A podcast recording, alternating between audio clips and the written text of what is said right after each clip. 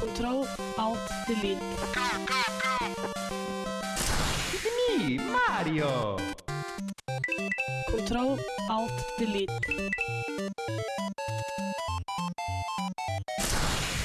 Unable to comply.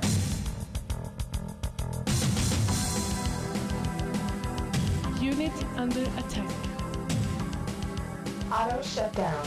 Sequence in progress. Ready to serve, my lord. God ettermiddag og velkommen til Kontroll Alt Elite, Trondheims eget spillprogram for hovedsakelig studenter, men også alle andre. Mitt navn er Erik Vibe, i dag skal vi ha om Norwegian Game Awards. Vi skal ha en spillskolering i Street Fighter, og vi skal ha en anmeldelse av et relativt eh, aktuelt spill. Men først så skal vi høre Animal Collectives Today's Supernatural.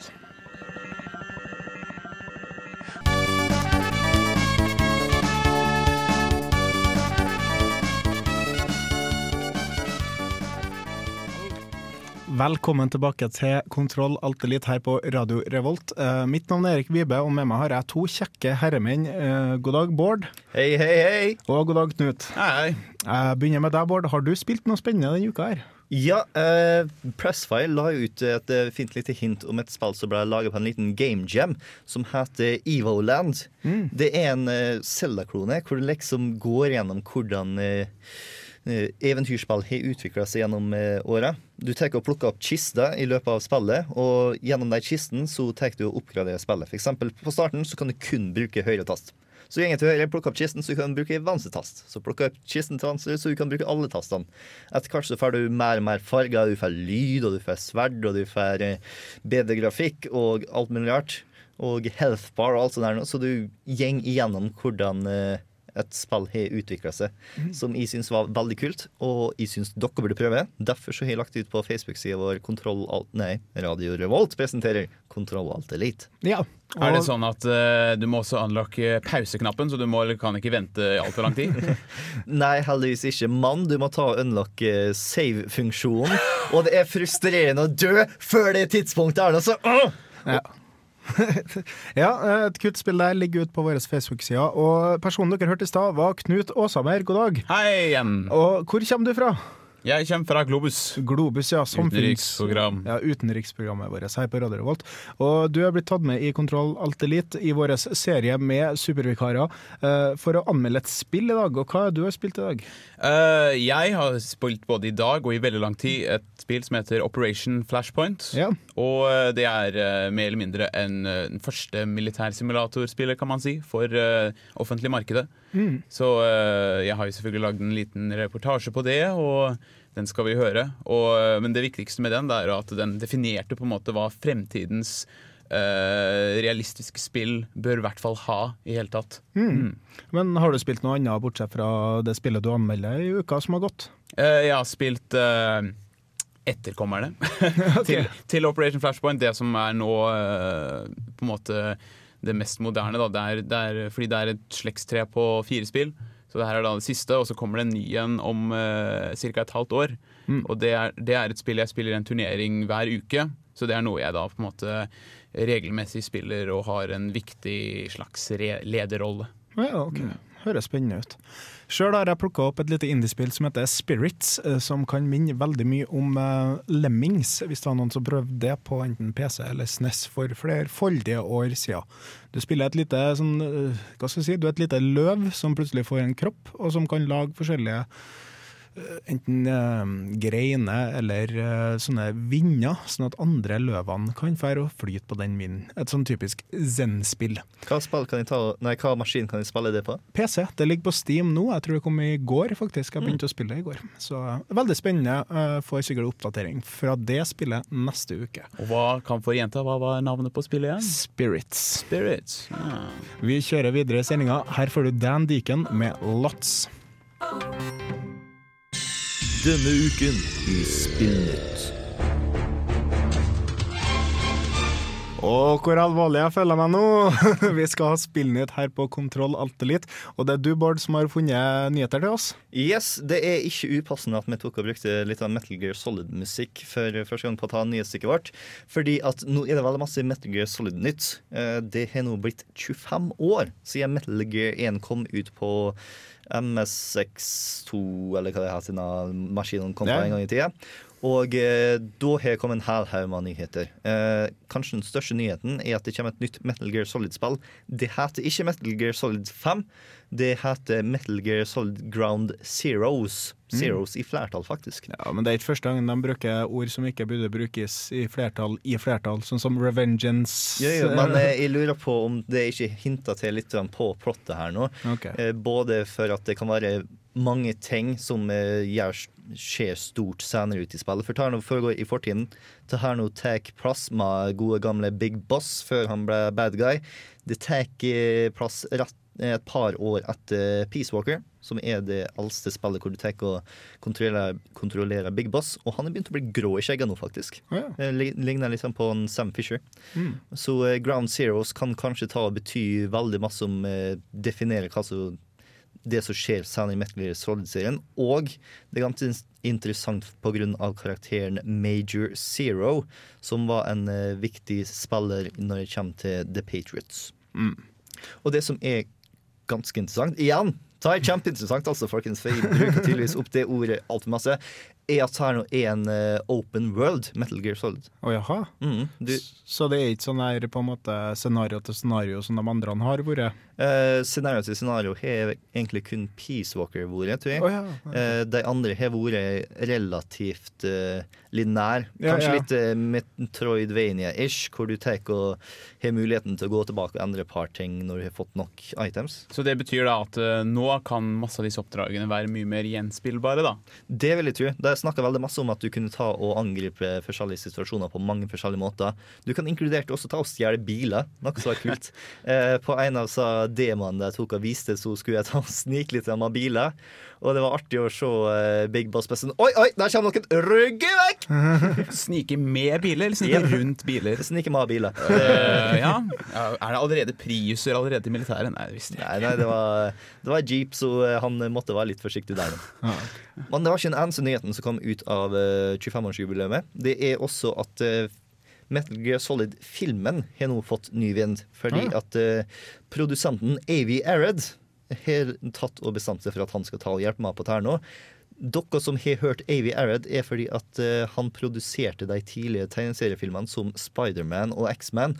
Han var en av de første i Hollywood som tenkte tegneserier er noe som kan bli big business dersom vi tar det seriøst. Og han gjorde det, og nå er tegneseriefilmer det største i Hollywood. Og nå tenker han spill kan bli big business om vi tar det seriøst. Ja Det blir spennende å følge med, i hvert fall. Og vi har også lagt ut en, eh, hva skal vi si, et konsept på en eventuell Final Fantasy 7-film laga av en italiensk produsent på våre Facebook-sider. Så sjekk også den traileren ut.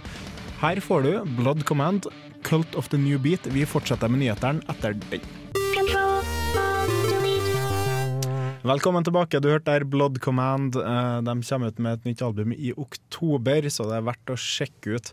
Du hører på oss eh, fordi vi er et spillprogram, forhåpentligvis. Eh, Vi har også da selvfølgelig spillnyheter. Bård, har vi noen flere spillnyheter? Det har vi. Vi har ganske ofte her i Kontroll Alt Elite vært litt sur på eh, Ubisoft.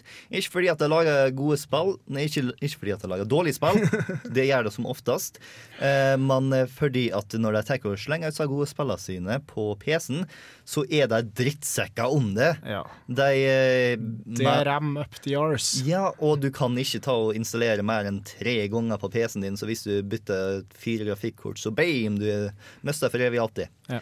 Men nå har Ubisoft bestemt seg for å være litt mer good guy Gregs og være hyggelig mot PC-spillere.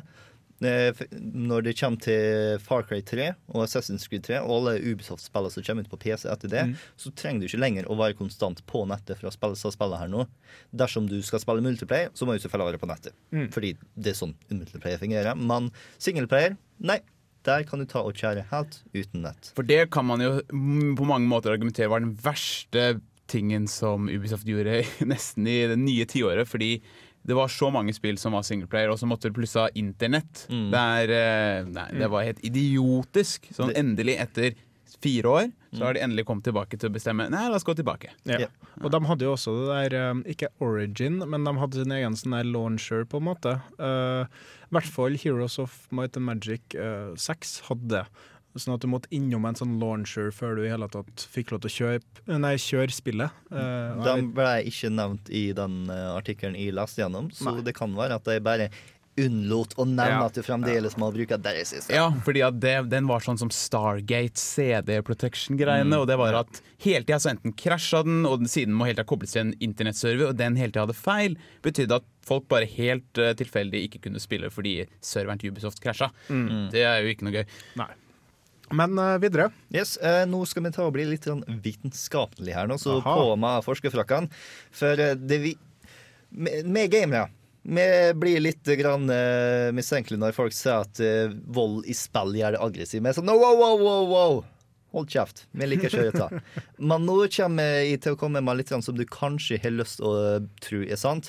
Og det er at det å spille med coop gjør det til en hyggeligere person. Ja. Eh, de tok eh, og fant tak i en hel haug med folk som skulle ta og spille spill. De skulle spille Halo. De fikk spille singelplayeren, de fikk spille multiplayeren, hvor folk skulle drepe hverandre. Og de skulle ta og spille Coop, hvor de skulle spille med andre mennesker. Og etter at de har spilt i en god periode, så jeg, fikk de eh, bokstaver. De fikk f.eks. DE og KI, og skulle ta og lage ord ut av dem. Så de som har tatt og spilt eh, multiplayer og spilt mot en hæl med drittsekker som fornærmer mor deres og seksualiteten der, nå, de brukte KI og DE til støff som kill og death. Men de som tok og spilte coop, var masse hyggeligere. Ikke bare hyggeligere enn de som har spilt eh, multiplayer, men også hyggeligere enn de som har tatt og spilt singleplayer. Så de tok eh, og bytta om til Kiss og Dean og alt sånne fine ord som det. Snille ord. Ja, men det, det, er, det kan være en eh, form for sannhet bak det. Fordi eh, over lang tid når man har, Jeg har spilt i nå tre år med denne turneringen, som er en sværskala hvor man simulerer for eksempel to forskjellige armeer med masse folk, sånn 50 pluss på hver side. Hvor det er eh, regel nummer én, det er teamwork. Og etter da tre år pluss eh, forrige år i et annet spill, har, har gitt meg en mentalitet sånn til dagligdags da, som er sånn at jeg har lyst til å hjelpe folk og lyst til å forstå folk, og at du er mye mer samarbeidsvillig. Ja. Og det er jo viktig. Ja, det er jo det. Og det, det gikk jo en sånn skrønefortelling når jeg spilte uh, World of Warcraft, husker jeg, om uh, dem som skrev på CV-en sin at de hadde vært guildmasters, og at de da hadde sjefer som anså det som en positiv ting. Og liksom, ja, jeg skjønner at du kan jo arbeide i team, og at du er en bra person pga. Mm. det her vervet du har tatt på deg. Uh, selvfølgelig, om du er guildmaster for en gjeng med tolvåringer, så det, kanskje du får et bedre rykte som SFO-assistent, Mm. men eh, som sånn CEO for et eller annet, det tror ikke jeg at du kan for å skrive det det, den største feilen de gjorde, var at de ikke gikk fra guildmaster til guild manager, for de, alt i dag er jo manager. Så. Ja, ikke sant. Så kanskje, hvis du skal søke jobb, at du kan skrive eh, Guild Manager. Men eh, ikke da Master. Etter eh, Strand of Oaks med Satellite Moon så skal vi få høre Knut sin anmeldelse av Operation Flash, Flashpoint. Flashpoint? Flashpoint.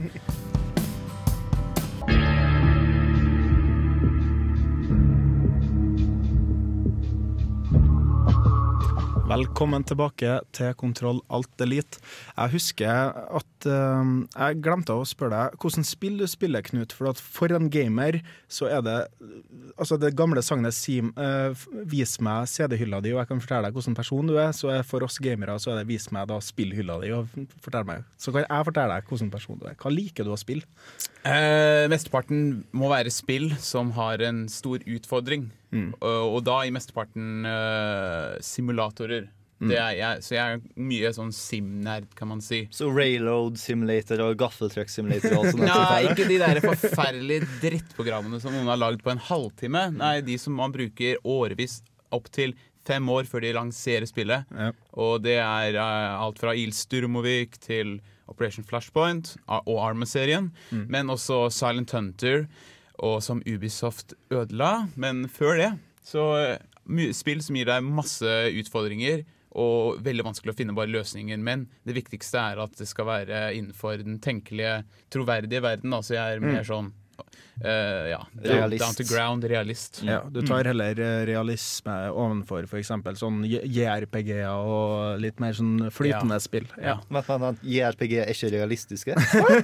Oi, nå må vi ha litt nerver. Jeg holdt på å spare på håra mine! Men uh, er det noe du vil fortelle før vi hører denne reportasjen om eh, Ja, jeg kan jo bare si at hvordan jeg ble introdusert til spillet, da. Og det her er jo ti år siden, så jeg var liksom Ja, ti år sjøl eller noe. Og ting var at eh, da var det sånn Da var det bare Age of Empires. Det var, liksom, det, var det. Men jeg tenkte jeg ville, ha, jeg ville, prøve, jeg ville prøve noe annet. Og helt, helt tilfeldig så hadde en kamerat av meg en sånn demo-CD med sånn fem spill på en sånn demo-CD. Ja, ja, Og så bare Nei, kjedelig, dårlig strategispill, det, det, det. Og så plutselig var det sånn Operation Flashpoint. Og Jeg visste ikke engang hva det var, og så putta det inn. Men så merka jeg at det, det var liksom 300 ganger bedre enn CS, mye større, og eh, Battlefield var ikke lagd engang. Så var det sånn, du kan gå på en 100 kvadratkilometer stor øy, du kan gjøre akkurat hva du vil, og hvis du blir skutt én gang, noen steder i organene, så er de død med en gang. Ja. Så det var sånn Wow, for en forskjell! Ja. Så det var da, Det solgte meg rett der, da. Ja. Ja, Det høres lovende ut, og da får vi høre på den forskjellen på Knut sin reportasje av Operation Flashpoint.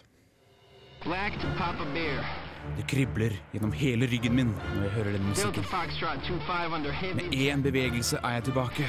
Jeg svever mellom tanker og minner fra en tid for lenge siden, men som føles som det var i går.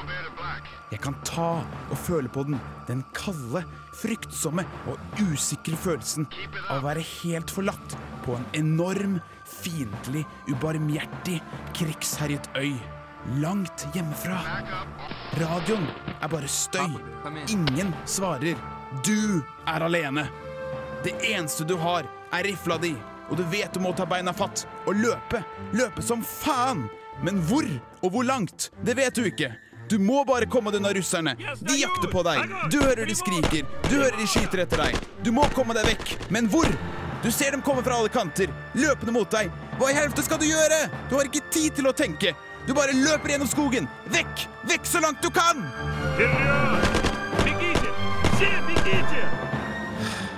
Jeg husker fortsatt David Armstrongs skjebne som det var i går, selv om det er ti år siden.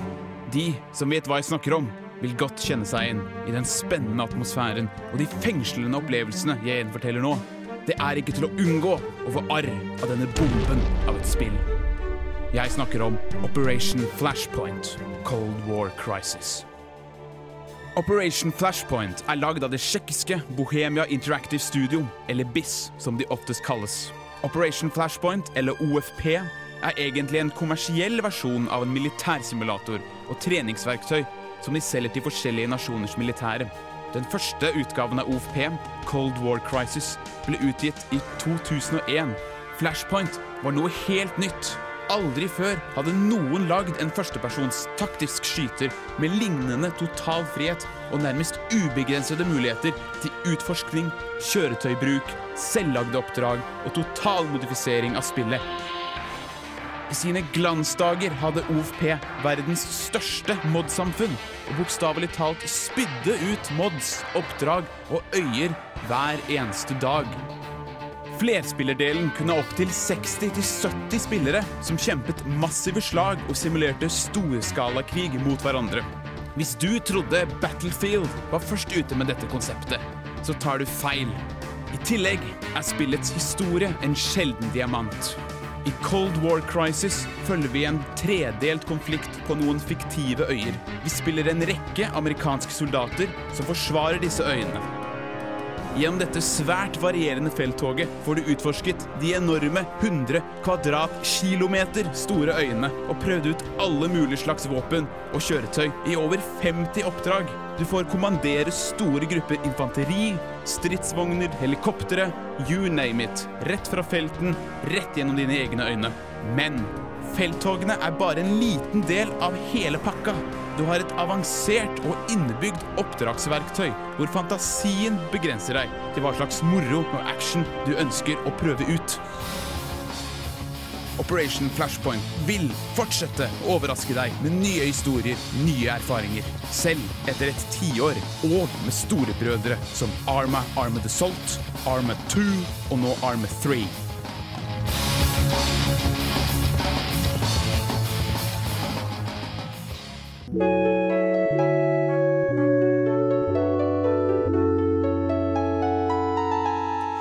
Der hørte du US Girls med Jack, før du hørte um, Knut sin uh, reportasje om um, Operation Flashpoint. Og dette er et spill som gikk meg hus forbi, for at i den tida så spilte jeg Counter-Strike. Og jeg, jeg så aldri på det som en simulator, uh, men da heller bare et spill som jeg spilte mot folk, ikke sant. Uh, mens det, det virka som en uh, Det var en mye større dybde da, til um, Operation Flashpoint enn f.eks. CS. Ja, ja, og det, man må også huske at CS det var egentlig en sånn slags Nesten en spøk. Hvor, Ja. hvor disse her det, øh, utviklerne hadde det som sånn egen intern moro, Mm. festlig ting. Og så ble det jo offentlig. Mens uh, Operation Flashpoint var opprinnelig uh, basert på et treningsverktøy for militære, militære. Mm. Og så har de bare nedskalert det da, for kommersiell bruk, sånn at det ikke er altfor mye hemmeligheter og ting. Så, det, så det var, den var, hadde på en måte en helt, en helt sånn eh, fundament da, som var veldig, uh, veldig seriøst og veldig Mm. gjennomtenkt. Ja. Og det var jo det at eh, på den tida så var det jo vanlig å ha masse simulatorer, fordi grafikken var ikke bra nok til å, til å få enkle, små firmaer til å fenge store, store markedet. Mm. Og da gikk man vanligvis inn i sånn simulator. da. Mm. Og det er en nisje, og det er jo ikke for alle. eh, men jeg syns at det er veldig fint at noen gidder i hele tatt å lage liksom, det mest seriøst som mulig, da. For det er det jeg liker. Mm.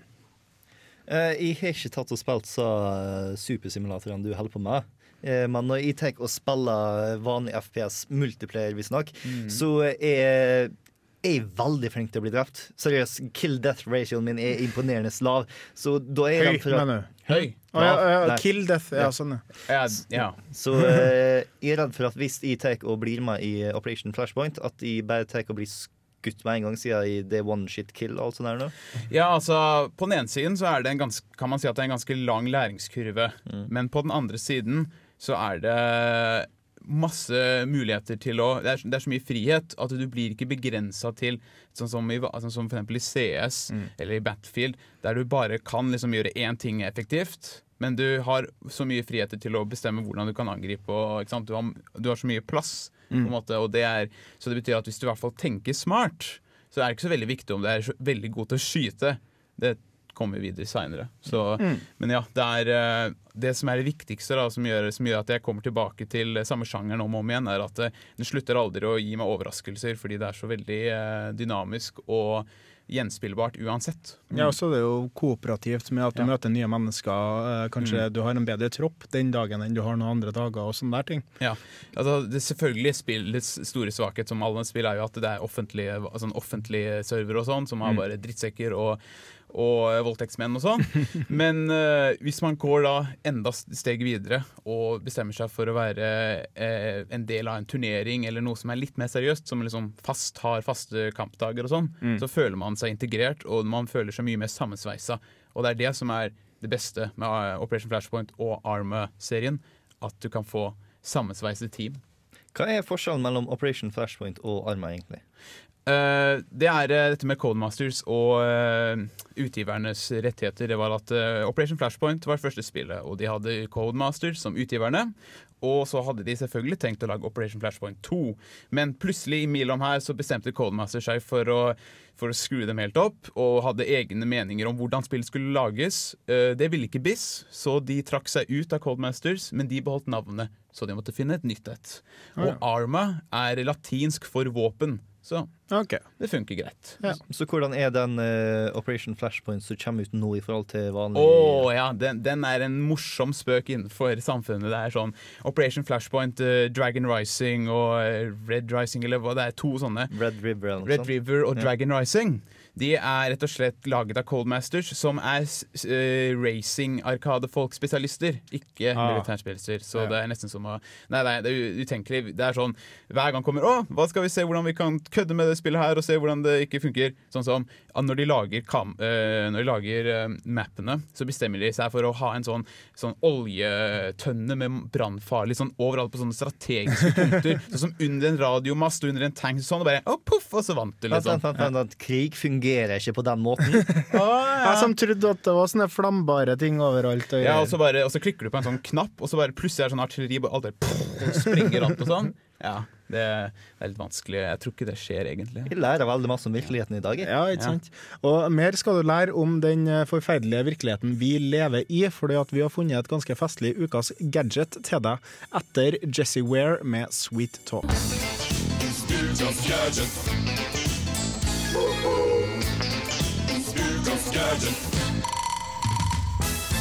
Ukas gadget er Det sa de der. eh, Vi har funnet fram noe ganske snedig. Selvfølgelig, da må vi til Japan. Eh, Mora, til, mora Å, til alt igjen. snedig. Eh, Her er da et spill som er montert på en eller annen toalett i Japan, hvor du har en skjerm foran deg når du står i pissoaret.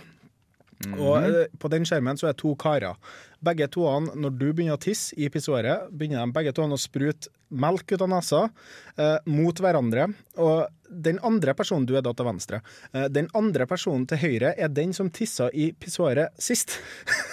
så poenget her er at eh, du eh, skal da i løpet av mengde og trykk klare å slå den andre personen som pissa i pissoaret. Ja, men dette er genialt. Det er jo leaderboard-pissoar-spill! ja, det er jo det er helt eksemplarisk, spør du meg, med interaktive spill. Jeg har jo tatt og putta ta på en bar, så jeg kjøpt mer øl bare så jeg kunne ha pissa mer. Ja. Ja, men, det, men det, er jo så, det er jo en kommersiell win-win-situasjon. Her får du barn og øh, ja, øl, øl, øl, ølleverandøren. får Alle tjener på det, føler jeg. Ja, Eh, hvis du har lyst til å se en video av dette, kan du Bortsett fra deg med nervøs blære.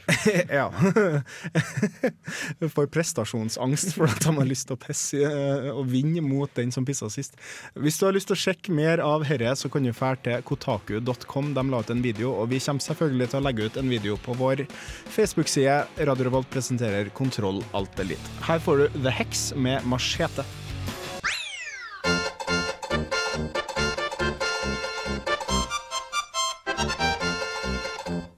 Og den eh, velkjente lyden der markerer slutten på første time. Eh, vi har en liten sånn godbit igjen til dere, eh, fordi at jeg har laga noe som jeg kaller Kontroll til Elites spillskole. Hvor jeg da skal ta oss og gå gjennom historien til Street Fighter 1-4. Jeg går ikke så veldig mye i de spin-off-titlene, men jeg går eh, i hvert fall inn i Street Fighter 1-4. Education, motherfucker! Ja, mer eller mindre målet er at du skal på en måte lære deg litt, samtidig som du hører en relativt morsom uh, lydsak. Og um, jeg vil gjerne høre av dere lyttere hva dere ønsker å høre på en sånn spillskole. Vi kan ta alt fra Final Fantasy til Zelda, og vi kan være innom masse forskjellig. Så det er øh, han Freddy på YouTubes rival, da. Det er Video Game High School. Så Ja. det her er Radio Video Game High School. ja, noe sånt høres riktig ut. Eh, Det er i hvert fall veldig mye forskjellige tema som er veldig interessant innen TV-spill. Og historikk og hvordan spill ble laga, og produksjon av TV-spill og konsepter. Eh, Og sjangere, og hvorfor det er bygd opp på den måten som det er der nå. Så hvis du lurer på noe spesifikt, så er det bare å ta og sende oss inn forslag, så kanskje vi tenker å svare på det på en intelligent måte, eller kanskje til og med en mindre intelligent måte. Ja. Hvem vet?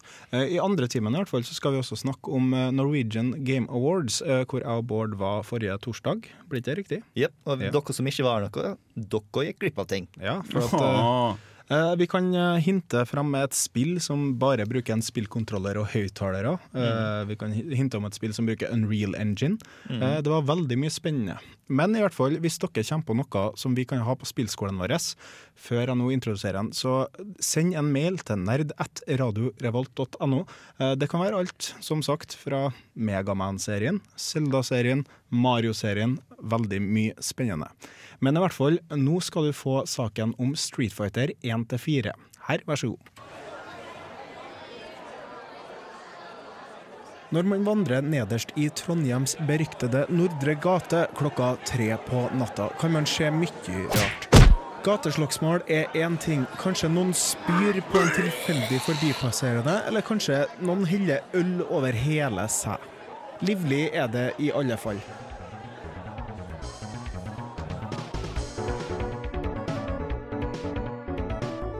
Verdenskrigerne i Street Fighter derimot har til tross for tittelen svært lite med hva en kan kalle et gateslagsmål å gjøre. Her går fantasi over realisme, og i bytte mot prosjektilspying kan man heller få ei ildkule skutt ut av munnen fra en yogapraktiserende indisk mystiker i trynet. Man kan treffe en tyrkisk oljebryter som har med seg ei personlig tønne fylt av olje som man regelmessig holder over seg. Og man kan selvfølgelig høre at noen roper og plutselig få to never med ren energi gjort om til plasma rett i mellomgulvet. Street Fighter er en klassiker som rett og slett starta hele fighting-spillsjangeren. Og i august i herrens år 2012 så fylte Street Fighter 25 år.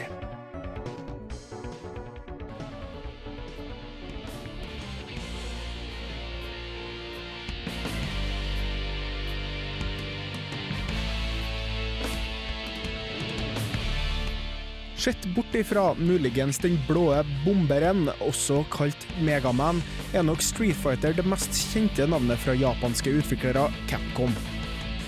Spillet har kjente og kjære i fleng. Hvem som helst med et relativt godt forhold til spill har hørt om Ryo Ken, Chun-Li og den fryktelige M. Bison. Street Fighter 1 debuterte i japanske arkader i 1987 og ble mottatt med braksuksess. I motsetning til lignende spill i samtida som Kung Fu, så hadde Street Fighter et personlig preg, med slåssere som hadde både navn og bakhistorie. I første spillet så spiller man som Ryu, en vandrende kriger som tråler land og strand for å finne en verdig motstander.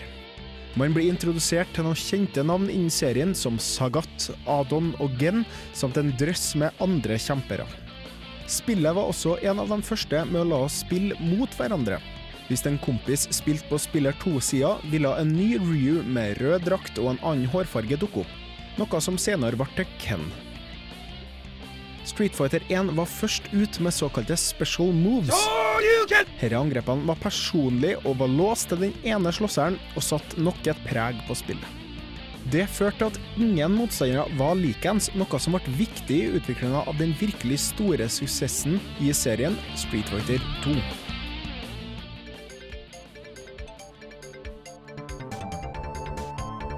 Street Fighter 2 var rett og slett et mesterverk. Det kom til Arkada i 1991 og senere til konsollene. Det som var revolusjonerende med dette spillet, var at spilleren hadde mulighet til å ikke bare velge hvem de skulle slåss mot, men også hvem de ville slåss som. Ryu var selvfølgelig tilbake, men sammen med sju andre slåssere til spillerens disposisjon. Her kunne man være alt fra den russiske bryteren Zangief til den amerikanske soldaten Guile. Om herre ikke var nok, hadde utviklerne ved en feil lagt inn et kombosystem. Man kunne, om man var presis, angripe motstanderen flere ganger etter hverandre. Herre, som i utgangspunktet var en programmeringsfeil, ble standard for alle kommende slåssespill helt fram til den dag i dag. Spillet solgte gull og gikk gjennom hele åtte relanseringer, og det var på tide for Capcom å føre spillet videre. Da Street Fighter Alpha kom til Arkadene i 96, virka det som slåssespill for en stor del hadde gått av moten. Spill som King of Fighters, Mortal Kombat og Virtua Fighter, sammen med en latterlig mengde kloner av Street Fighter 2, hadde forsvømt markedet, og Street Fighter hadde kommet litt i bakleksa.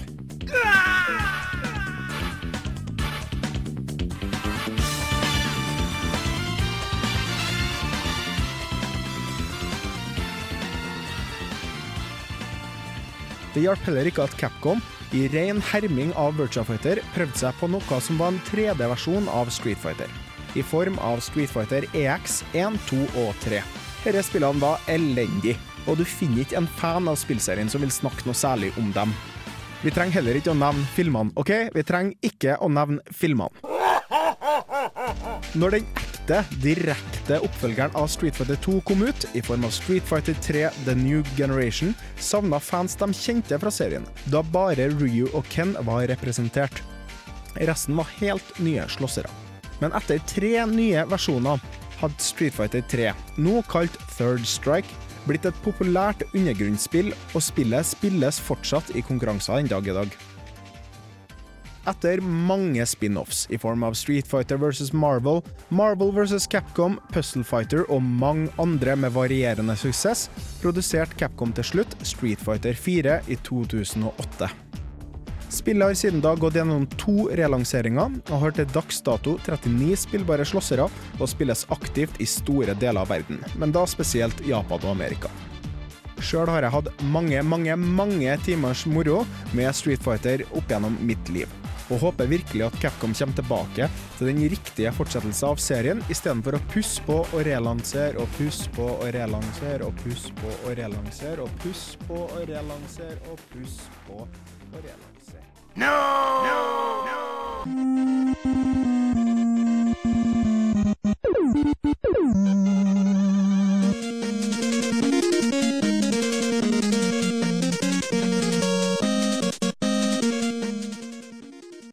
Der er vi tilbake igjen i time to med Kontroll Alt Elite, spillmagasinet her på Radio Revolt. Eh, vi har eh, i hvert fall to tema å snakke om i dag.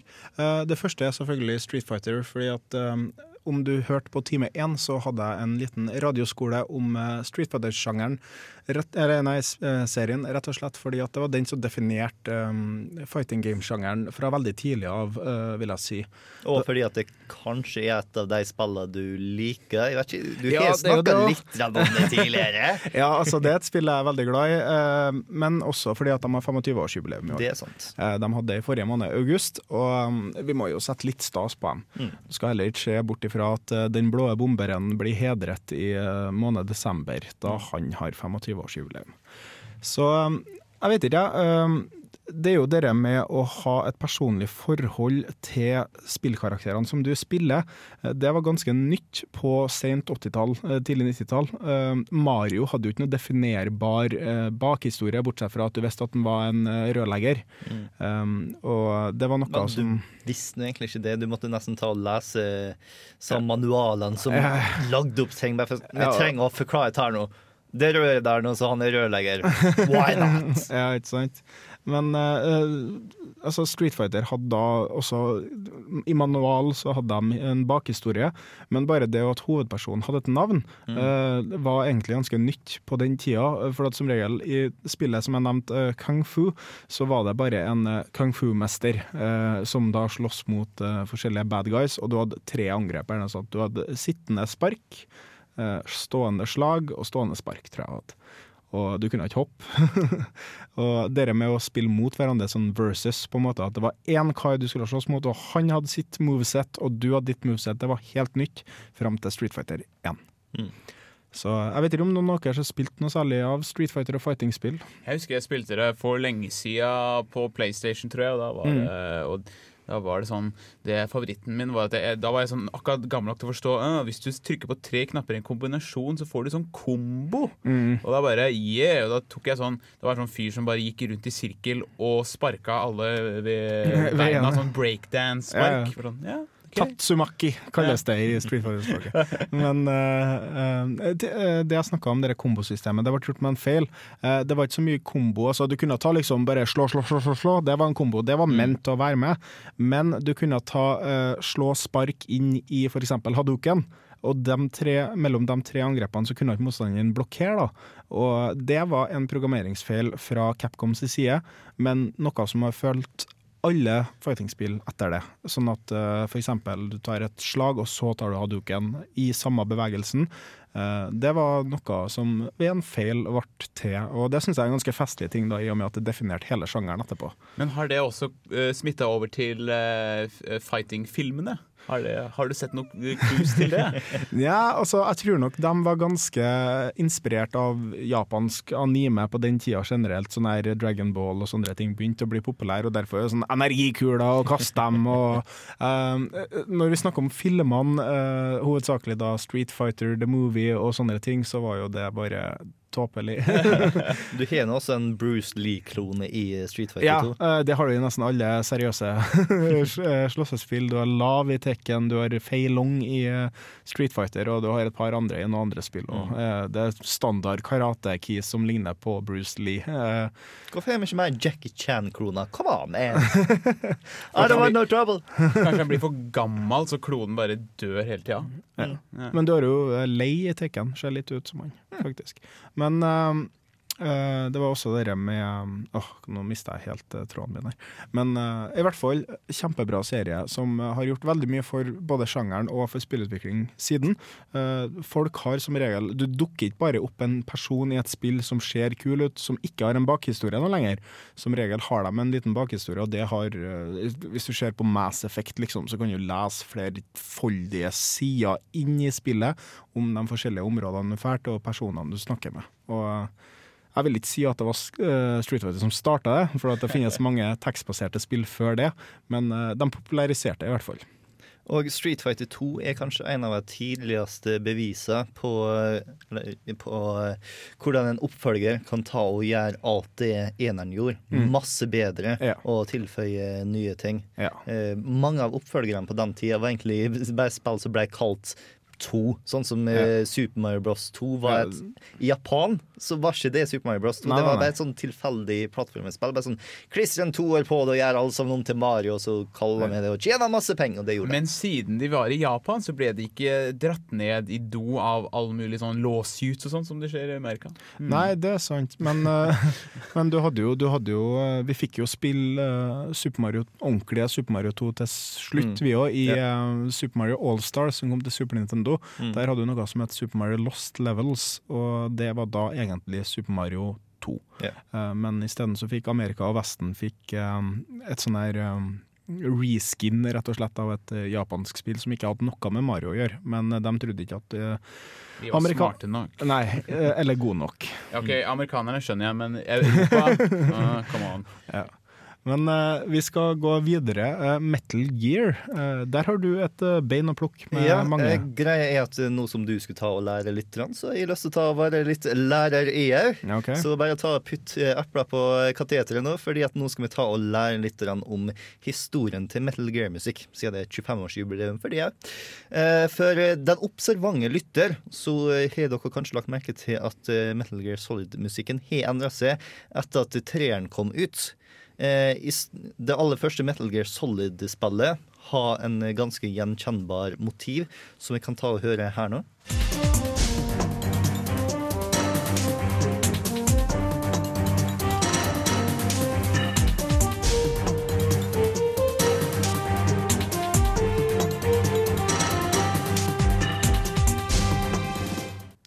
Det er veldig mange tenker på når de hører Metal Gear Solid-musikk. Den biten der nå har ikke vært med siden Metal Gear Solid 3. Eh, I stedet så har vi hatt eh, en eh, litt lik eh, motiv som ble introdusert i Metal Gear Solid 2, da han eh, store filmkomponisten som jeg ikke husker navnet på akkurat nå, eh, tok og ble med og lagde musikken der nå. Var det Hans Zimmer? Jeg husker ikke. det var ikke Hans Zimmer, det var en eller annen kar nei. Nei, det var en amerikaner som har en bindestrek mellom navnene sine. i Ja. Harry Georgian eh, Ja, Uansett, du hører det nye motivet her nå.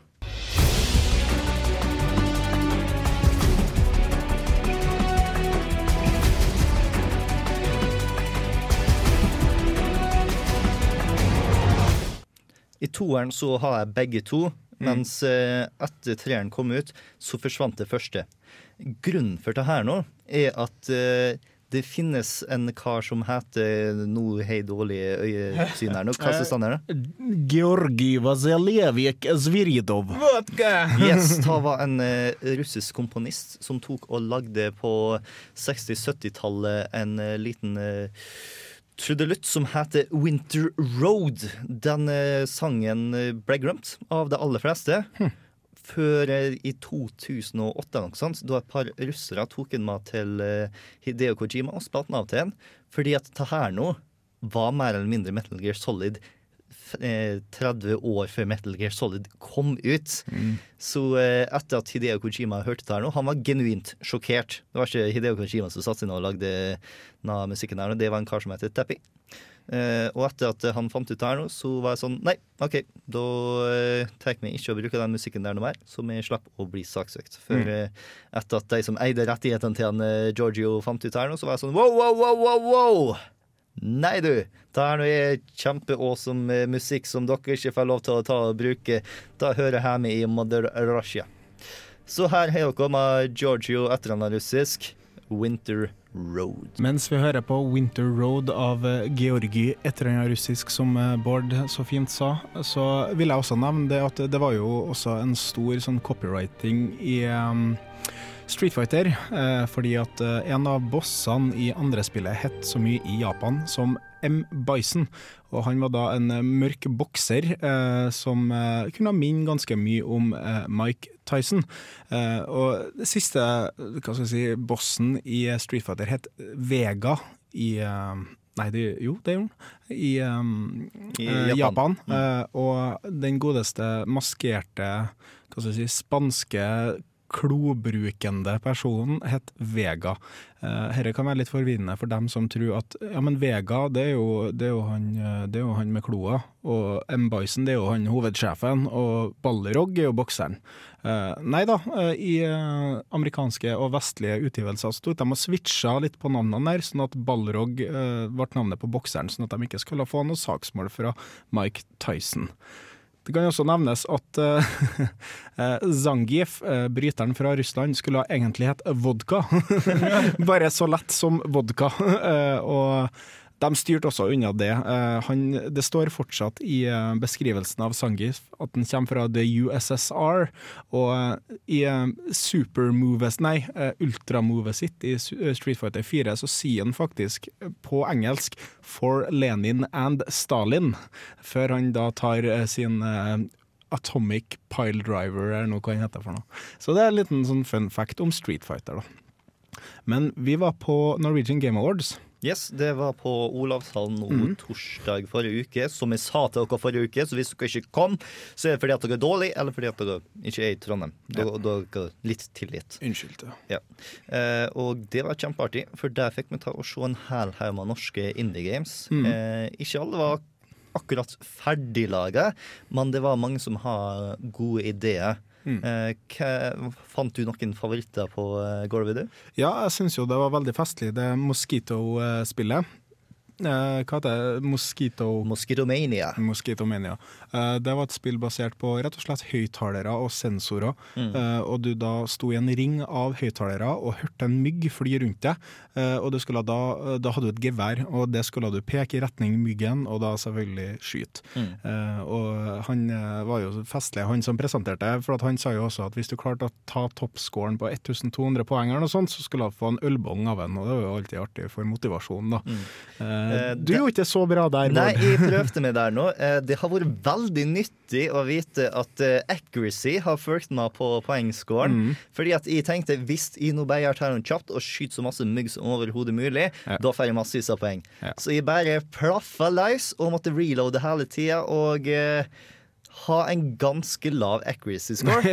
Jeg traff en god del mygg, men jeg traff enda mer luft. Så eh, av de 1200 i skuet ha, så var det vel kanskje litt mer som 250. Kanskje du brukte mer skudd enn poengene. Det var ikke langt unna, i hvert fall. Uh... Men jeg, jeg fikk også spilt et spill Det var mange spill. eh, mm. Jeg vi rakk ikke å spille alt av meg. Nei. Eh, Og mange av dem var jo veldig festlige. Det var noen som var mer casual i andre, og det var mange som eh, imponerte grafisk. Noen som imponerte eh, på en måte på andre områder. Og Tic Tac Tower var en av dem jeg la Ja. merke til der. Uh, Tic Tac Tower var et spill på fem på rad, rett og slett. uh, hvor du også kunne bygge andre typer um, hva skal du si, formasjoner. Ja, det minner ganske masse som uh, Tetris-brikken du får. Ja. Du har liksom da T-brikka. Den blir eh, til et tårn, så du får kraften til å ta og skyte vekk brikker. Mm. Eh, Du har den squiggly line, som eh, gir deg mulighet til å bygge nye brikker. Du Ja, Dobbel brikke, rett og slett, kunne du Ja. legge, da. Og den siste det var, den så ut som en firkant, og den gjorde sånn at motstanderen din ikke kunne enten skyte dine brikker eller legge en ekstra brikke i sin tur. Det var også en L som jeg ikke husker hva jeg gjorde, men den gjorde noe nyttig. Ja. Hele poenget i hvert fall var at ja, det, eh, nei, det L-en lot det ta å bygge en ekstra, mens Squiggly Line lot det ta å stanse motstanderen til å legge fem på rad i sin neste runde. Oh, ja, okay. Nei, det var ikke å legge fem på rad, det var å bruke sånne triks. Ja, triks og ta og legge fem på rad. rad. ja, okay. Ja. avansert versjon av Warships. Ja, ja, på en måte. Eller en, en eh, avansert måte av fem på rad. Eller bondersjakk, som Ja. det også heter på fint. De skyter ikke hverandre i bondeslag, da. Nei, nei, Nei, du, altså, du skyter ikke, du gjør bare brikken ubrukelig. Ja, du bare Ah. skyter bort en uh, plassering, på en måte. da. Mm. Eh, Det som var litt av problemet til spilleren, var å ta satse inn i det her nå. Mm. De, de trengte en skikkelig god tutorial, sånn at det ble innlysende hva du skulle gjøre. Mm. Men når du først har satt inn i det her nå, og forsto konseptet til spillet, så ble det ganske interessant å ta spillet mot andre folk. Altså. Mm, for at eh, det ble liksom en sånn mind game, da. Mm. Og du, jeg og Bård satte oss ned, og vi skjønte begge to til slutt hvordan spillet fungerte, og med litt hjelp av utviklerne. Og selv om det kanskje ikke var så grafisk imponerende, så ble jeg i hvert fall sånn Herre kunne jeg spilt Mm. eh, med en kompis fordi at vi sitter og drikker øl og bare har lyst til å gjøre noe, istedenfor å spille f.eks. sjakk eller dam eller noe sånt. Mm. Så var dette veldig interessant. Ja, Det virka som et uh, spill som kunne fungert ekstremt godt på iPaden. Ja. Bare dra den ut og så Nei, nå har vi fem minutter til å drepe, så da tar vi fem på det. Mm. Eneste problemet med spillet, bortsett fra det torturebiten, er at hvis du har fått nok poeng til slutt, Mm. eh, på, altså kreftepoeng, så kunne du på én gang ta og legge fem på Tre ekstra brikker liksom på én tur, og det virka som den ene var litt overpowered. Men de, eh, de, de jobba litt med balanseringa fortsatt. Mm. Men vi så også uh, et spill som vant veldig mange priser, um, som het så mye som uh, oh, Bark. Bark. Ja, Ja. det stemmer. Eller Bark, som folk insisterte på å ta Ja, uttale, men det altså. gir ikke mening. Ja, for det var, du, var, du spilte som et hulder, eh, i en norsk hulder, liksom. Ok, ja. eh, og spillet het Bark. Og Ja. det syns jeg er liksom to tematisk riktige ting. Ja. Norskt. Men til og med utviklerne kalte det Bark. Det er ingen som barker i den demoen Jeg så ikke én hund! Ikke én hund! Så, så hulderens beste angrep er slikking? Nei, nei, nei. nei. Uh, ta spillet her nå brukte faktisk Unreal Engine. Ja. Og det var faktisk litt imponerende å se noen ta og bruke det i Norge, som ikke har uh, så særlig masse til budsjett. Ja. Jeg fikk litt mer budsjett nå, så jeg vant et par priser, men Ja. Ja, eh, det var ikke Det var ikke Gears of Warmer spalt her nå. Altså. Nei, fordi det var vel kanskje Unreal Engine 1? Nei, det var Det var en relativt oppdatert versjon, Ja. men uh, Det det var fortsatt ikke sånn altså, Jeg ble ikke blown away av Mm. uh, grafikken, men det var, det var veldig høy kvalitet på grafikken i forhold til mange andre spill som var. Men de skrev som regel motorene sine sjøl, Mm. grafikkmotorene, altså. Jeg likte virkelig bakgrunnshistorien på Bark. Bark. Nå begynner jeg å Skjerp deg! Skjerp deg! Yes, eh, for eh, bakgrunnshistorien der nå er at dette her nå er i Asbjørnsens Mo eventyrverden altså der nå, eh, hvor det er litt etter eventyret, eh, hvor det finnes to eh, kongerike. Du har dem for mennesker, og du har dem for underfolket. Tusser, troll, huller, alt sånt der. Og, eh, og nå så eh, kom det en ny konge. Den forrige kongen han respekterte oppdelinga. Den nye kongen han har lyst på mer makt. Han tok og utvida menneskeheten for å ta og stenge ned troll og tusser og ha mer menneskelig makt. Og denne kongen het kong Espen Askeladd. Ja. Den likte jeg. Den, den virkelig likte jeg. Ja, Altså. altså Det er jo bra at de bruker norsk mytologi til å Mm. jobbe inn i spill, for at det er jo noe vi kan selge som veldig vårt eget. da. Mm. Uh, så, altså, Det har vært stilig å se liksom et Valhall-spill òg, men, uh, men eh, også Espen Askeladd og det Asbjørnsen og Moe-fortellingene er jo noe erkenorsk, på en måte. Det hadde vært veldig kult å ha det som film. Mm. Askeladden som en sånn kickass-fyr. Ja. Mm. Det har vært stilig. Spesielt nå som Hollywood er så fantastisk glad i eventyrfilm av alt mulig rart. Grim og Supernatural Jeg og tenker sånne bare Det blir litt problem. Altså, de har Thor istedenfor Thor, men Askeladden Ass den blir, den blir litt vanskelig, den der. Jeg har sett en uh, uh, engelsk oversettelse på Ja, det var et Askeladden. eller annet Eh, boot, bootstrap eller noe sånt. Ja, noe sånt. Ja. I hvert fall. Ja. Eh, det så veldig fint ut, eh, Mm. det var, men det var også veldig mange andre spill. Ja, Eh, Bark de vant Skal vi se hva de faktisk vant nå. Det de vant, var best lyd eh, og visual art. Altså Så- grafikk, ja. eller? Og ta var folk som var i for å ha utdannelse i Hamar.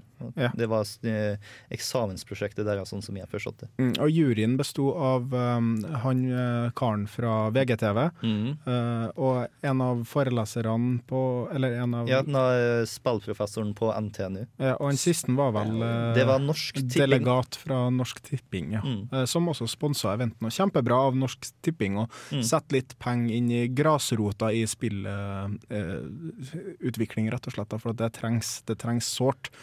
Hva var de sa om eh, filmbudsjettet? Eh, filmbudsjettet det er sånn fire mil, eh, 400 millioner til film, 15 millioner til spill. Ja. Litt skjevt fordelt. ja. Og I hvert fall når spill er en så stor industri som det begynner å bli, og som Mm. det er allerede. Som det kan bli i Norge, men som det ikke blir når man har farta her nå. Som filmguy og gamer så må jeg være enig i at begge bør økes. Ja, det er veldig sant. Eh, kanskje spill først, og så kan film komme litt etter. Eh, men et annet spill som vant en pris, som jeg ikke så meg så særlig enig i, var Shadow of the Game. Eh, det var et spill som var Det så ut som en klassisk Super Nintendo JRPG, hvor mm. det var Historien er at det er det siste raidet i den siste expansion packen på en gigantisk MMO-RPG. Så eh, hele gilde skal samles for å ta siste bossen. Og eh, du ser det fra to perspektiv. Du ser det fra guild membersa, og du ser det fra utviklerne.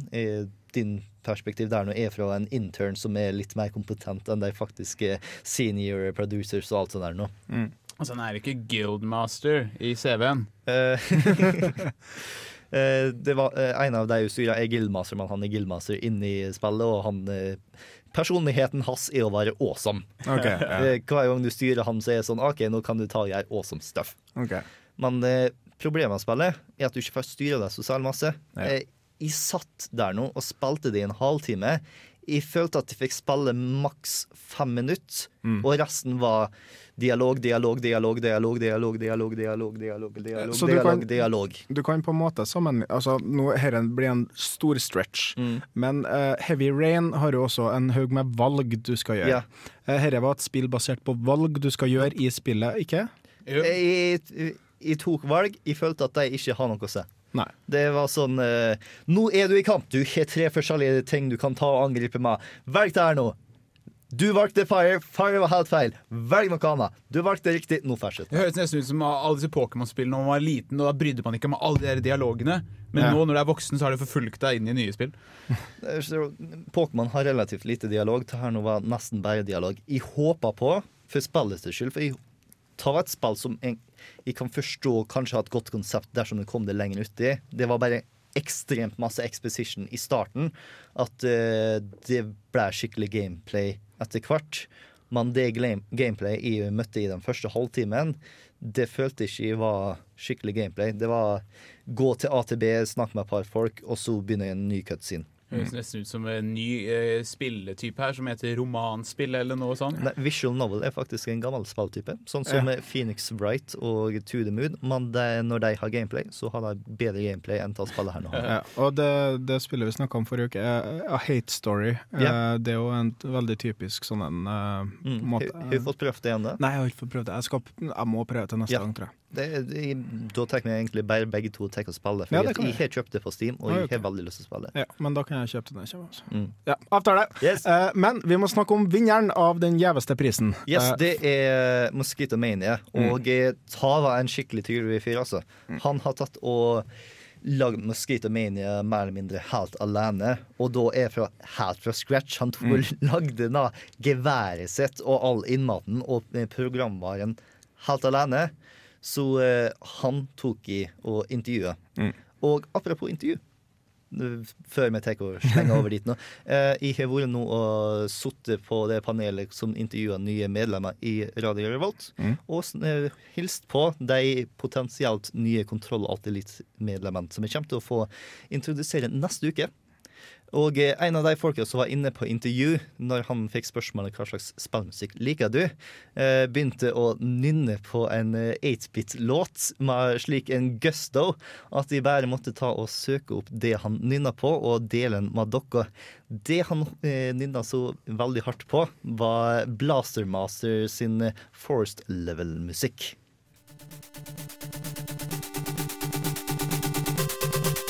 Nå sitter jeg her med Norwegian Game Awards 2012-vinner Sigurd Gran Jensen.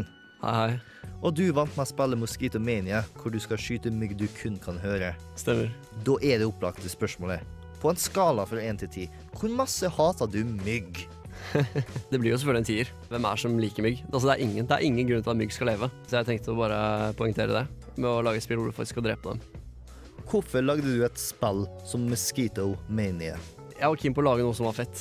Samme hva det var for noe. Så lenge det var eh, nytt, som ingen, ingen hadde gjort før, og at det ble et spill i det hele tatt, det var eh, bare flaks, egentlig. Men selvfølgelig, med en gang man lager noe som er interaktivt, så er det alltid kult å legge til gaming, og da, da ble det fort et spill. Jeg liker å lage noe som andre kan bruke. Eh, jeg synes det er, det er viktig, altså jeg får mer igjen for å se at andre bruker noe jeg lager. Så da ble det Mosquito Mania. Nå, jeg liker å tenke på meg sjøl som en teknisk anlagt person, men dersom jeg skulle ta og lage mitt eget konsoll-skytevåpenting, så har jeg ingen anelse hvor jeg skulle en gang begynne. Hvordan var det du gikk fram for å ta og skape en taggevær og systemet? Det er et veldig godt spørsmål. Eh, fordi jeg hadde så å si ikke noe peiling på noe av dette her. Jeg hadde en veldig, veldig grunnleggende innføring. Så for meg så hadde jeg en idé, og jeg var bare keen på å få den igjennom. Og skal du gjøre en idé, skal du greie å få en idé til å bli virkelighet, da må du faktisk bare sette deg ned og gjøre det. Du kan ikke sitte og vente på at noen skal lære deg. Du må lære det på egen hånd. Så jeg satte meg ned, eh, lærte meg programmering av mikrokontrollere og eh, programmering av eh, generell software, og fikk det gjennom. Men det som var greia, var at jeg føler at når du er på skolen, så programmerer du øvingsopplegg som er gjort liksom ti år før deg. Det er dødskjedelig, det er ikke noe givende. Men nå programmerer du noe hvor du har et mål, og du ser fremgang, og det blir fett til slutt. Du vet det kommer til å bli det feteste. For uansett hvilket prosjekt man har, så, så gjør man det på siden fordi man syns det er fett å holde på med. Så målet er å lage noe som er dødskult. Og på bakgrunn av dette så har jeg blitt mye flinkere i programmering generelt, og det har hjulpet meg mye på skolen også, av det at jeg gjorde det her. Men eh, for all del, jeg jobbet jo ja, Jeg sov lite den perioden der, men det har gitt meg mye tilbake senere, og ført til andre prosjekter også. Hvordan ble spillet først mottatt når du viser det frem? Det var da jeg var, skulle stille på forskningsdagene. Det var første gang jeg skulle stille ut for et åpent publikum. Da sto jeg der, jeg ble liksom satt inn i et eller annet hjørne liksom langt borte. Det var liksom, fordi når jeg skulle være med på det, var det sånn ok, er det gjerne åtte høyttalere som bråker og får eget telt eh, litt sånn bak der. Så jeg kom ned hit og stelte meg opp, og det var liksom ikke, det var absolutt ikke hotspot nummer én. Men også, så kommer det en for Forskningsdagen er et sted hvor det kommer masse teens, altså masse kids. Eh, går barneskole, ungdomsskole. Og så kommer det en forbi, litt sånn si gått seg bort, ikke sant? for det er ingen som går forbi der jeg sto. Og så eh, går jeg bort og så gir han uh, geværet. Og så spør jeg liksom, har du ikke prøvd noe kult. Og han var liksom, ser geværet og var sånn her ja, vet ikke helt om eh, det her er riktig. Og han hadde sikkert fått beskjed av moren sin at jeg må holde seg unna, holde seg unna sånne ting. Men uh, så fikk jeg meg inn i ringen, og så satte spillet i gang. Og han gamer gjør det ganske bra. Når han er ferdig, så bare gir han meg geværet, og så beiner han av gårde. Han, som bare, han stikker av. Og jeg fikk noen respons, ingenting. Så jeg var sånn OK, det her fungerte kanskje bra forrige gang, men her fungerer det kanskje ikke så bra. Og så går det et minutt, og så kommer han tilbake med 40 venner, og da eh, skjønner jeg at OK, det her er så kult. Ja. Og de, eh, da var det liksom, da var det dødsfett. De var på hele tiden og spilte hele tiden. Han løp liksom inn i sykkelen og tilbake til køen igjen hele, hele dagen. Kjempegøy å se at, eh, at eh, folk liker det. Så det har vært veldig god resepsjon på spillet, altså. Det har det. Når jeg har stilt ut, så, så har folk eh, gamet det. Voksne, barn, teens, eh, studenter, alle. Det har vært mye bra tilbakemeldinger, så det er veldig hyggelig. Det er det, er det mest givende. Eh, og selvfølgelig, når du kommer på NGA og du får pris, så er, det en, eh, så er det en veldig hyggelig bekreftelse på at du har gjort noe riktig. Og penger i tillegg, det er også Ja, ja, og penger i tillegg. Ja, det, er, det er greit å ta med seg. Absolutt. absolutt. Men nå har hun 50 000 kroner, og hva har hun tenkt å bruke dem på? Det er egentlig et eh, dødskjedelig svar til spørsmålet. Jeg eh, får putte mye på sparekontoen foreløpig. Eh, Så de ligger der, for akkurat nå har jeg ikke tid til å, å fortsette med utviklingen. Det får ikke bli før om et par måneder. Men selvfølgelig, planen er å gå tilbake. Lage Mosquito Mania 2, en eller annen malaria edition. Og da går pengene dit. Og det som er greia for å lage toeren, da, så jeg er keen på å utvikle mye større grad. Og da må jeg nok sette av en, en hel sommer, regner jeg med. Men eh, jeg tror det hadde vært eh, utrolig givende. Men eh, det som er at jeg lagde jo eneren for meg selv. Hvis jeg skal lage toeren nå, så skal jeg ha med et team. Jeg kommer ikke til å sitte alene en gang til og, og gjøre det her. Det er givende, men det er mye morsommere å lage ting sammen med andre. Hva ambisjoner har du for toeren? Toeren skal bli enormt svært. For det som er greia nå, er at du har jo høyttalere rundt deg. Altså du har kun horisontalplan. For toeren så må det bli tredjeplan. Altså da blir det vertikalt også, så da har du vel en tre rader med høyttalere oppover, og åtteren så blir vel en jeg tipper en uh, godt over 20 høyttalere hadde vært hyggelig. Så spillmessig, som er kanskje det viktigste, er eh, selvfølgelig å ha toplayer. Hvor det er to stykker som står der. Tenker å la lage det sånn ja, litt mer action ut av det. Kanskje få opp noe fett musikk som eskalerer i forhold til hvor mye myggs-action skjer inni ringen. Ikke sant? Man har jo tatt og sjekka om det er noen andre som har lagd et eh, lignende prosjekt.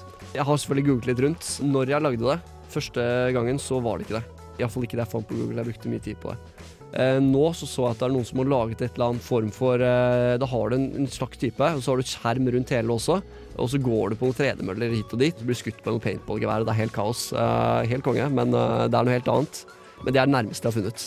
Det er det. Det er veldig kult, fordi da er du en pioner.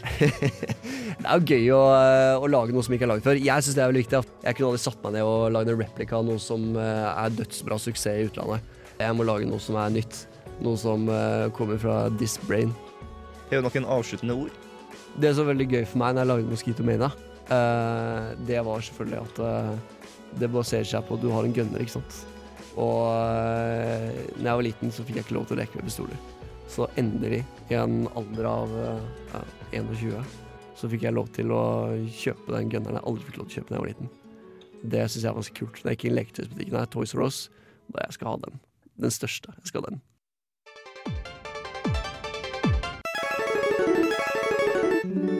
Ja, deilig. Capcom og Chun-Li eh, fra Street Fighter Tribute Album, Chun-Li sin Stage, eh, etter vi hørte intervjuet av vinneren av Norwegian Game Awards. Sigurd, Sigurd Gran Jensen, som var en kjempehyggelig kar. Ja, gratulerer så mye, Sigurd. Yes. Eh, Det var vel verdt eh, Eller altså det var, vi, vi høya på deg gjennom Mm. hele greia, for det var innovasjon som er artig. Ja. Og han vant eh, både Game of the Show og Best Technical Achievement. Han Mm. mottok prisen på Best Technical Achievement først. Og da han kom ned dit og begynte å snakke, så bare Yes, han! Den karen skal jeg intervjue så hardt! For eh, han eh, har putta nok poeng inn i karisma points, for å si det sånn. Ja, ja. Han var veldig, veldig hyggelig, og vi fikk lyst til å spille spillet med han når vi så han, eh, for at han var engasjert, og han brydde seg om det han hadde lyst til å vise fram, rett og slett. Mm. Det, det var et hjertebarn, uh, virka det som. Yes. Og, Men det var flere som lagde spill òg. Mm. skulle du spørre noe om? Ja, de, Dere ser ut til å være veldig entusiastiske om eh, hans eh, arbeid, så Mm. dere kommer vel da kanskje til å ha en eh, egen privat eh, bestilling? Egen versjon av uh, da, eh, da skal jeg skaffe meg litt penger først. Ja, dedikere et helt rom til Mosquito Mania. Og 20 høyttalere for nummer to? ja, det, det kan bli en kostbar affære. Mm. men eh, for all del, hvis jeg har så mye penger, så skal jeg visst støtte norsk spillindustri. Men eh, ja, andre Norwegian Game Awards-spill. Det var et spill som jeg synes var veldig kult, som het Leviathan. Mm. Som eh, var et uh, veldig retro adventure-spill som ble laga på tre dager. Det var noen kompiser som tok og lagde på The Gathering på tre dager. De vant en eller annen pris, og så tenkte jeg OK, da plukker vi det opp på Norwegian Game Awards og pusser det opp i ei uke. Ja, eh, fordi at på The Gathering så har de sånne kompoer, altså turneringer rett og slett i f.eks. musikklaging, eh, spillaging, eh, kunst. Og det er ikke bare TV-spill som spilles på The Gathering, det er også mye sånne workshops og sånne ting som du kan være med på. Og ofte da så er det sånne turneringer blant utviklere som blir satt sammen i lag. Og har lyst til å lage noe på den eh, uka som det er, som regel. Og der, eh, da kom Leviathan, uh, grunn, grunnsteinen til Leviathan fram. Ja, for hvis jeg da bryter inn Det har jeg altså alltid lurt på. Nå har ikke jeg vært på The Gathering, men disse her konkurransene høres interessant ut. Har noen av dere noen anelse om, uh, om maskinema? Har dere hørt om ordet maskinema før? Ja, maskinema er at du tar og lager film i eh, film, eh, spillmotorer. Sånn Ja. som Red versus Blue, som var en Halo-sitcom. Ja, ja, ja. Og da lurer jeg på dette her med kunstkonkurranse. Da tipper jeg maskinema er innenfor denne sjangeren.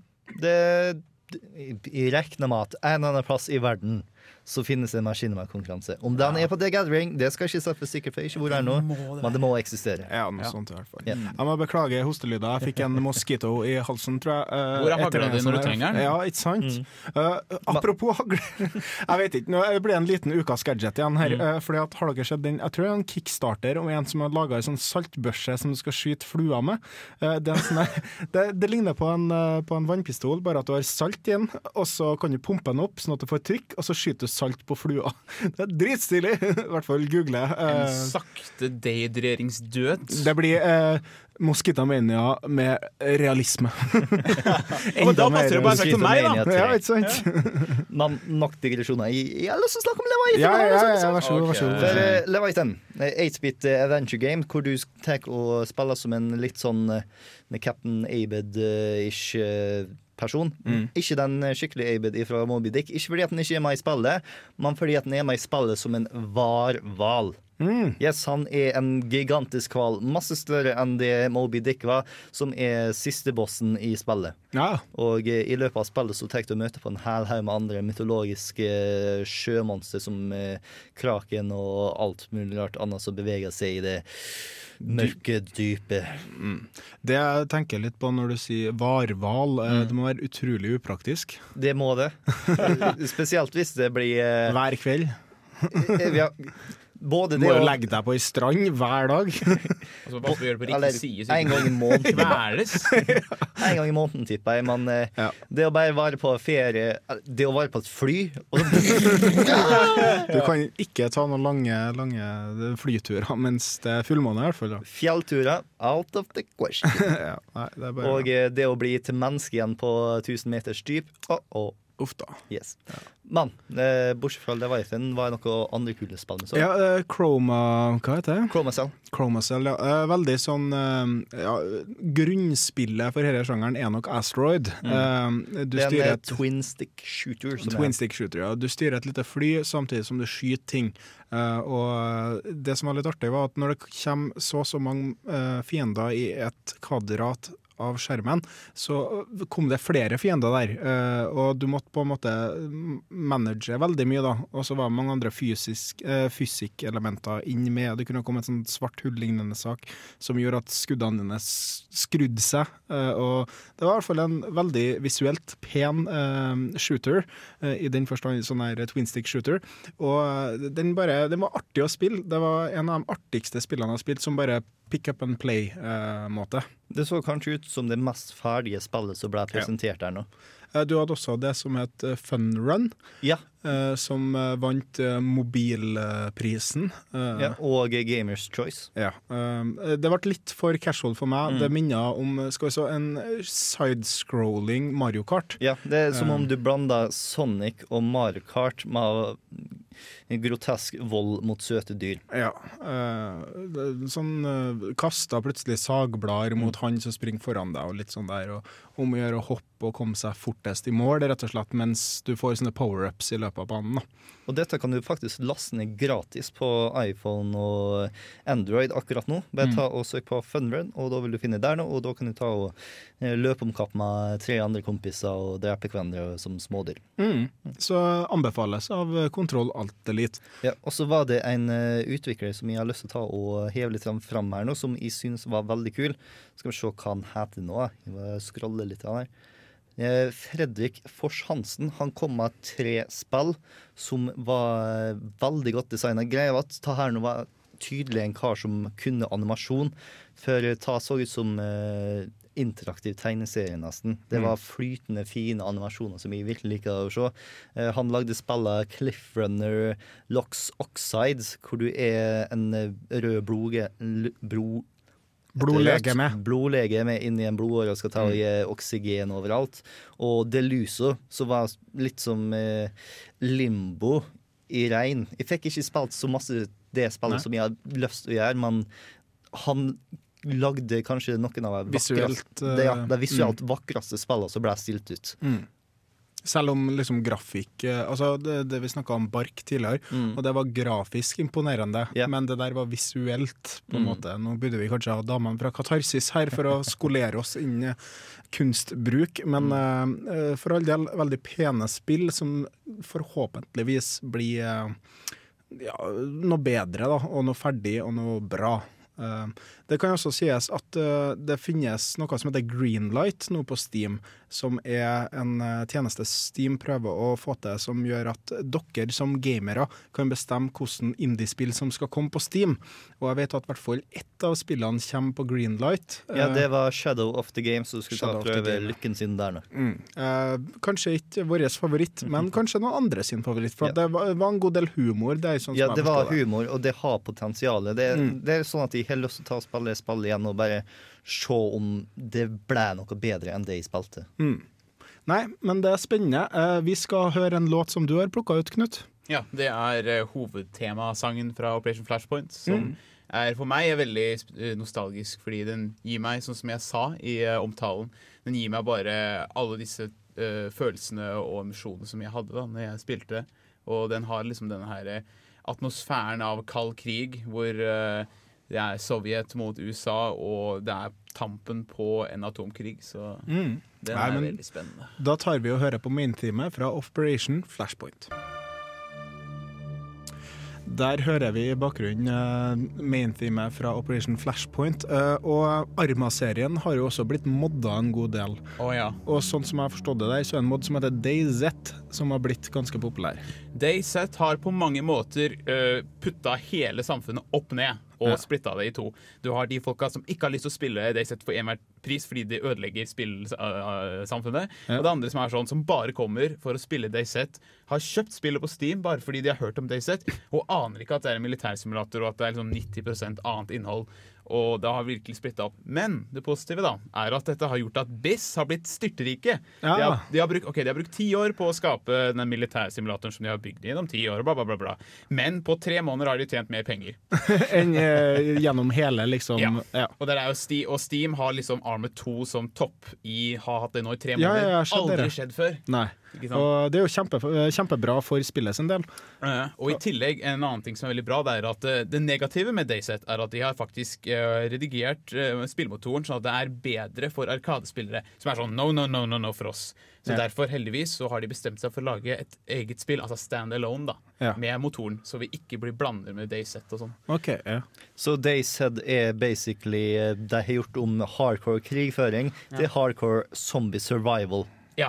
Mm. Det er en veldig kult konsept, og det skal bli veldig gøy å spille. For jeg tipper vi alle her kommer til å spille, i hvert fall du og du, Bård og Lasse. Jeg og Mikkel har planer om å ta ja, opp ja, ja, spilltallene når vi får tilgang til PC-ene våre. Ja, jeg må, jeg må prøve dere. Mm. det, er- for at er det noe jeg liker, så er survival-spill. Eh, ikke nødvendigvis horror, men Mm. eh, postapokalypse, zombie sur- survivor og sånne spill. For det som er veldig kult med Dayset, for dere som ikke vet, er at det er egentlig ingenting objekt, objektiv. Det er liksom OK, du bare begynner på en strand på kysten på den store banen her i Chenarus, som er Svart-Russland på oversetta. Mm. Og målet er overleve. Hvordan du overlever, det er opp til deg. Du kan samhandle med mennesker fordi du kan snakke in game chat og stemmer og sånn. Og du må få deg våpen. Du begynner ikke med våpen, du begynner bare med lommelykt. Så mot zombier, eh, løp. Men er det er zombiene styrt av AI, eller? Ja, alle er. AI, og de bygges hele tida. Altså de, de spåner, og så despawner de, og så hele tida er det nye populasjoner. Mm. Og de løper fortere enn deg, så ikke tro det er sånn øh, sakte Land of the Dead, men det er, de, det er 28 Days Later pluss. Okay. Så det er veldig kult. det blir spennende. Uh, dere har jeg skikkelig lyst til å prøve, for at et uh, godt survival-spill det kan jeg holde på lenge med. Mm. Vi har en sending neste uke òg, og da skal vi ha noe så festlig som barndom som tema i andre timen. Ja, jeg har Eh, lyst til å vite hva de nye personene vi tok opp, eh, likte å spille i barndommen. Så Mm. snakker vi litt om hva vi sjøl likte å spille i barndommen. Og hvis du der ute, du som hører akkurat nå, har lyst til å ta og fortelle oss hva du likte å spille i barndommen, så tar du og sender oss en mail på nerd.radiorevolt.no og fortell i vei. Og så Mm. leser vi det opp og har det hyggelig sammen. Ja, og da kan vi forvente også veldig mye gammel spillmusikk. Eh, Jeg håper i hvert fall det blir det. Og kanskje jeg får anmeldt Spirits til neste sending. Eh, Det løvblåsende spillet jeg snakka om som eh, selger seg sjøl som et zen-spill, men egentlig er det det. Jeg, jeg sier nei så langt, og jeg har bare spilt en time av det. I hvert fall, eh, du skal få høre på eh, et av mine favorittspill sitt eh, soundtrack. Seiken Densetsu 3, eller Secret of Mana 2. Dette er Another Winter. Du har hørt på Kontroll Alt Elite. Ha det bra. Hei då. Ha det bra!